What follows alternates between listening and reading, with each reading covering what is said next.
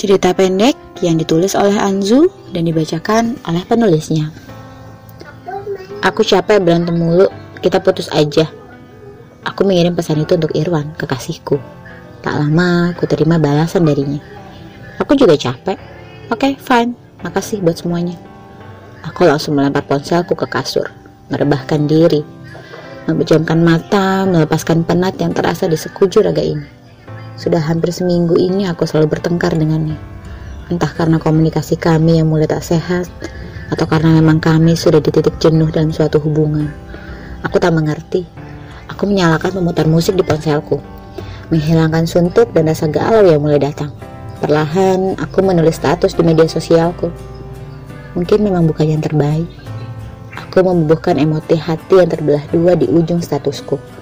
Aku membenamkan wajah di bantal Doraemon kesayanganku. Bantal pemberat Irwan di hari ulang tahunku. Aku menarik nafas dalam-dalam. Tanda pesan masuk di aplikasi WA milikku berulang kali terdengar. Aku meraih ponselku dan membaca dengan malas. Banyak yang bertanya kenapa aku putus. Aku tak mau menanggapi.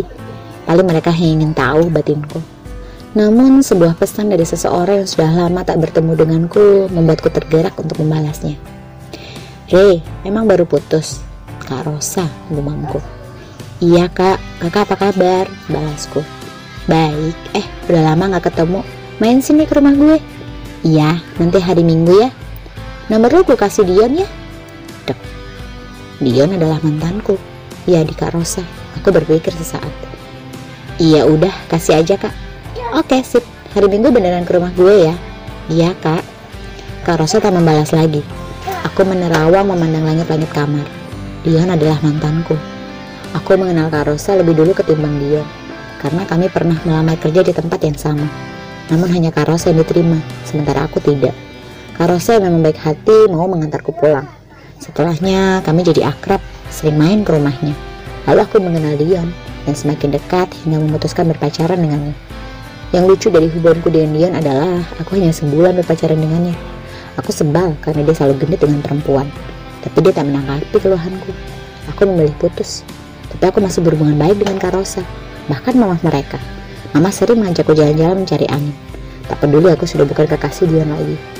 Namun karena kesibukan pekerjaan, sudah beberapa bulan aku tak lagi berkunjung ke rumah Mama Yuli. Lalu, tak lama sebuah pesan masuk membuyarkan lamunanku.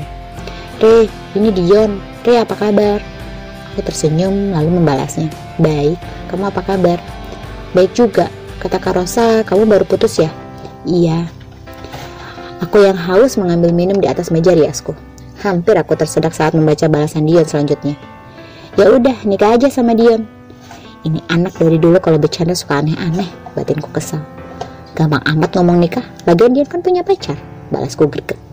Aku tahu karena foto profilnya sedang duduk dengan seorang cewek. Nanti Dion putusin si Nanda. Dia juga udah cewek pacaran, nikah sama kamu aja, Re. Aku menelan ludah. Dia bingung mau jawab apa.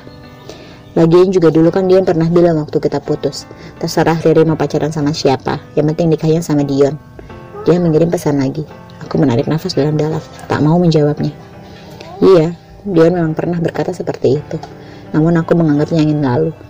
Toh setelah sekian lama berpisah, apa mungkin dia masih punya perasaan untukku? Aku tak percaya. Aku meraih ponselku lagi, masih mendengarkan lagu Mellow. Membuka sosial mediaku dan mataku terbelalak. Karosa membuat status yang mengejutkanku. Dion mau kawin akhir tahun ini, tapi Marieri, bukan Mananda.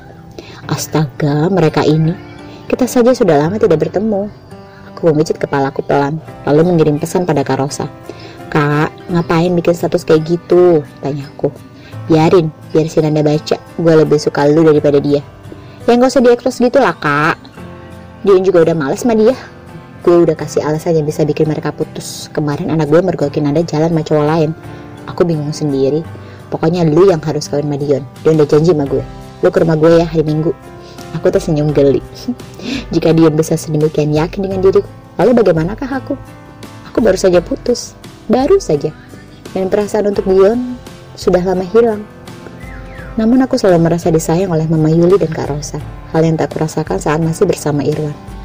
Aku tak begitu dekat dengan keluarganya. Mungkin karena frekuensi pertemuan kami yang tak begitu sering jika dibandingkan dengan keluarga Dion. Ah, kenapa aku jadi membandingkan? Apa aku coba dulu aja ya berhubungan sama Dion lagi? Sebuah pesan masuk mengalihkan pikiranku. Nanti ketemu di rumah Karosa ya hari Minggu. Nanti dia nyebut Rere. Dia udah kangen banget sama Rere. Iya, aku hanya menjawab singkat. Karena memang tak tahu harus menjawab apa. Hari Minggu, aku menunggu Dion seharian yang katanya mau menjemput. Namun nomornya tak aktif dari semalam. Sampai menjelang sore, nomornya masih tak aktif.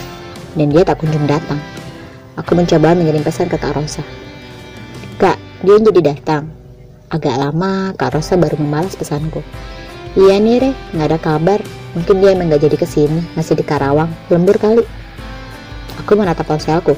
Alasan Kak Rosa membingungkanku. Oh, jadi dia kerja di Karawang, Kak? Iya. Aku tak membalas lagi. Ada perasaan aneh menyelusup ke dalam hatiku. Kalau Dion tak jadi datang, mengapa Kak Rosa tak menyuruhku tetap ke rumahnya? Kan selama ini juga tak harus ada Dion, aku bisa tetap berkunjung. Mungkin lagi sibuk atau memang ada sesuatu ya batinku. Aku sedang berdiri di depan sebuah toko tak jauh dari kantor tempatku bekerja, menunggu Fanny, temanku membeli kue. Aku malas berdesakan, jadi aku menunggunya di luar. Lalu mataku menangkap sosok wanita yang ku kenal keluar dari toko kue itu. Bawanya banyak sekali. Mah, sapaku sambil mendepuk pundaknya. Mama Yuli menoleh, terkejut namun senang melihatku meletakkan belanjaannya di bawah lalu memelukku erat seakan rindu berat Tere, mama kangen banget. Kamu sibuk kerja ya, jadi nggak pernah nyamper mama. Ucapnya masih memelukku. Aku mengusap punggungnya. Iya, maaf ma. Nanti Tere main ke rumah mama ya. Aku tersenyum. Ya lalu mengelus pipiku. Anak mama, ucapnya pelan. Mama beli kue banyak banget buat apa ma? Buat lamaran Dion. Entah mengapa aku merasa tersipu. Sudah hampir sebulan sejak pertemuan tak sengajaku dengan mama di depan toko kue. Aku baru saja selesai dirias. Sedang duduk di pelaminan di teras rumah Mama Yuli. Ada Karosa di sampingku, tengah bersuas foto dengan anaknya. Kulihat Dion berdiri di depan pintu kamar mamahnya, menatapku penuh sayang. Aku mengalihkan pandanganku darinya. Cerita lu sama Dion kayak sinetron ya, Celotok Kak Rosa sambil mengamati hasil swafotonya di ponsel. Aku hanya mengangguk. Siapa yang nyangka? Pas mau diputusin, bapaknya Nanda malah nyuruh kawin. Nitip Nanda ke Dion. Udah firasat kali kalau mau meninggal. Jadi khawatir sama anak ceweknya. Kak Rosa mengulang lagi cerita yang kudengar sebulan yang lalu dari mama di depan toko kue.